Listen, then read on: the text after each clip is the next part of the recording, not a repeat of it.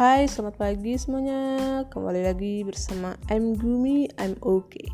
Jadi, guys, saya mau menjelaskan tentang pasal 3 Undang-Undang tentang pidana pencucian uang yang biasa kita sebut dengan pasal 3 UU TPPU jadi setiap orang yang menempatkan, mentransfer, mengalihkan, membelanjakan, membayarkan, menghibahkan, menitipkan, membawa keluar negeri, mengubah bentuk, menukarkan dengan mata uang atau surat berharga atau surat-surat lain atas harta kekayaan yang diketahuinya atau patut diduganya merupakan hasil tindak pidana. Itu adalah tindak pidana pencucian uang.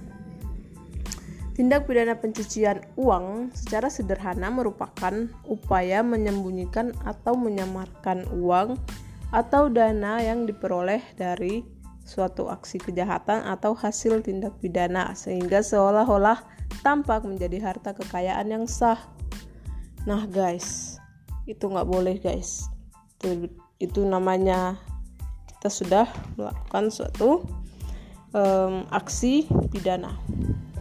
Di sini juga um, saya mau menjelaskan tentang pasal 4 Undang-Undang Republik Indonesia nomor 8 tahun 2010 tentang pencegahan dan pemberantasan tindak pidana pencucian uang. Jadi pencucian uang adalah segala perbuatan yang memenuhi unsur-unsur tindak pidana sesuai dengan ketentuan dalam undang-undang ini. Transaksi keuangan yang diminta oleh PPATK untuk dilaporkan oleh pihak pelapor karena melibatkan harta kekayaan yang diduga berasal dari hasil tindak pidana. Kalau kalian mau tahu apa itu PPATK, di sini akan saya jelaskan. Jadi yang dimaksud dengan PPATK adalah Pusat Pelaporan dan Analisis Transaksi Keuangan yang dengan sengaja dibentuk dalam rangka mencegah dan memberantas tindak pidana pencucian uang pasal 40 Undang-Undang Nomor 8 Tahun 2010. Nah, sekalian ya, aku juga mau menjelaskan tentang kenapa sih ada tindak pidana pencucian uang. Jadi berdasarkan pasal 2 ayat 1 Undang-Undang PPT PPU, harta kekayaan yang disembunyikan asal-usulnya dapat berasal dari hasil kejahatan korupsi, penyuapan, narkotika, penyelundupan tenaga kerja, dan lain-lain. Apa sih follow up crime?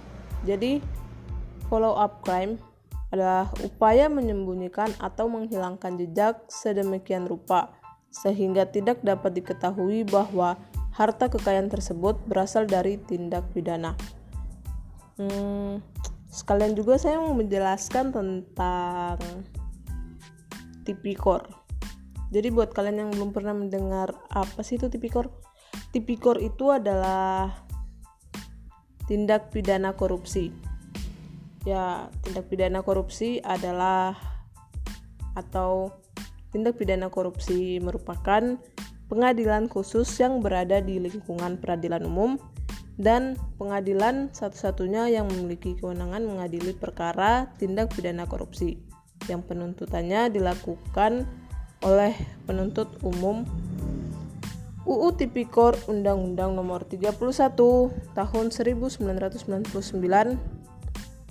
tentang pemberantasan tindak pidana korupsi sebagaimana telah diubah dengan Undang-Undang Nomor 20 Tahun 2001 tentang perubahan atas Undang-Undang Nomor 31 Tahun 1999 tentang pemberantasan tindak pidana korupsi. Jadi di sini ada tujuh jenis yaitu satu merugikan keuangan negara, dua penyuapan, tiga penyalahgunaan jabatan atau kedudukan, empat pemerasan, lima perbuatan curang, enam konflik dengan kepentingan dalam pengadaan barang dan jasa, tujuh gratifikasi yang seperti sudah saya jelaskan di podcast sebelumnya um, gratifikasi ada yang boleh dan ada yang tidak boleh gratifikasi itu seperti pemberian hadiah atau barang tapi jelas sekali di situ bahwa gratifikasi dan suap itu berbeda. Oke guys. Jadi jangan ada lagi yang bilang kalau gratifikasi dan suap itu sama karena gratifikasi dan suap itu berbeda.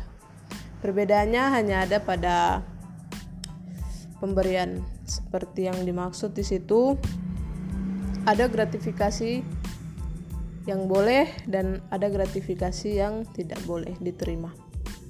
Seperti apa contohnya? Seperti gratifikasi yang tidak boleh diterima adalah gratifikasi yang terlarang, yaitu yang berhubungan dengan jabatan dan berlawanan dengan tugas dan kewajiban pegawai negeri.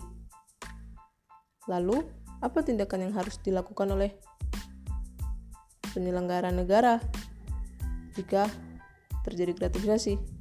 Ya, tindakannya yaitu penyelenggara negara harus menolak pemberian tersebut. Lalu di sini juga akan saya jelaskan bahwa suap berhubungan dengan gratifikasi, tetapi suap di sini adalah tindakan yang dilandasi kesepakatan antara pemberi dan penerima. Sedangkan gratifikasi tidak ada kesepakatan antara pemberi dan penerima. Jadi bisa dibilang ya guys, gratifikasi dan suap itu berbeda. Lalu saya mau menjelaskan tentang penyidikan. Oke. Okay. Jadi di sini ada penyidikan dan penyelidikan. Apa sih itu penyidikan dan penyelidikan? Hmm, penasaran nggak guys? Oke, biar saya jelasin ya. Jadi, penyelidikan adalah serangkaian tindakan penyelidik untuk mencari dan menemukan suatu peristiwa yang diduga sebagai tindak pidana guna menentukan dapat atau tidaknya dilakukan penyidikan menurut cara yang diatur dalam undang-undang. Penyidikan adalah serangkaian tindakan penyidik dalam hal dan menurut cara yang diatur dalam undang-undang untuk mencari serta mengumpulkan bukti yang dengan bukti itu membuat terang tentang tindak pidana yang terjadi dan guna menemukan tersangkanya. Ya, bisa dibilang penyidikan hanya dapat dilakukan jika hasil penyelidikan menunjukkan adanya perbuatan tindak pidana. Jadi guys, penyidikan merupakan proses oleh penyidik yang dilakukan dalam mengumpulkan bukti-bukti untuk membuat terang tindak pidana dan menemukan tersangkanya. Jadi penyidikan adalah tindak lanjut dari proses penyelidikan. oh iya guys, kalian tahu nggak sih apa itu asas hukum pidana khusus? Kalau kalian belum tahu, akan saya jelasin loh di podcast berikutnya. Tetap stay tune ya, jangan ke mana-mana. Sampai jumpa di podcast selanjutnya. Bye bye.